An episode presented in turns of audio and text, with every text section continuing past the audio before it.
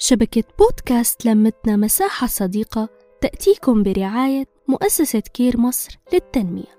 كل شي بالحياة اختيار. يا سادة يا زيادة يا مزبوط. ولأني اخترت تكون معكم ببودكاست سكر زيادة لكم مني كل التحية والسلام. أنا صفاء محمد. الله يرحم أيام زمان. كانت الأضوية تنطفى الساعة 8 المساء ببيتنا. ورغم إنه ما كان حدا فينا يسترجي يعلق إلا إنه بابا كان يقول وهو عم يطفي الأضوية جملته المشهورة ناموا بكير وفيقوا بكير وشوفوا صحتكم شلون بتصير. كنا نفيق على الفجر مع ريحة القهوة وبعدها ريحة البيض المقلي مع اللحمة. ما بخبي عليكم كنا نتمرن ونسهر جوات غرفتنا ونحس حالنا. عملنا إنجاز لأننا تمردنا وخليناه يتوقع أننا نايمين. الإنسان بطبعه ما بحب الروتين وأنا شخصيا بحس الروتين من أصعب أنواع العذاب.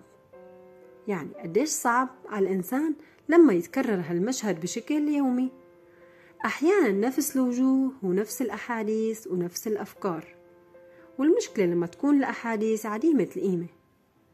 والمتحدثين مقتنعين إن أحاديث مهمة ورح يعيشوا ويموتوا على هالشي.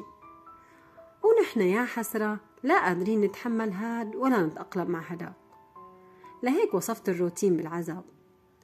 ومشان طلعكم من الروتين رح خبركم إنه النسلة أو الحليب المكثف مثل ما نحن بنقول عنه بسوريا ما ضروري كل مرة تشتريه.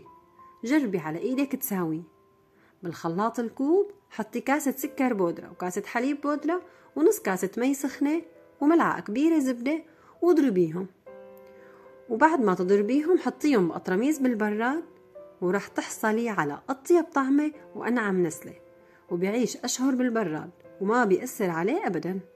ولما بتحتاجي للوصف لأي وصفة فيها نسلة حتكون عندك كمية وفيرة ولذيذة. دمتم بخير على أمل اللقاء مجددا إن شاء الله. نحكي نتشارك نتواصل.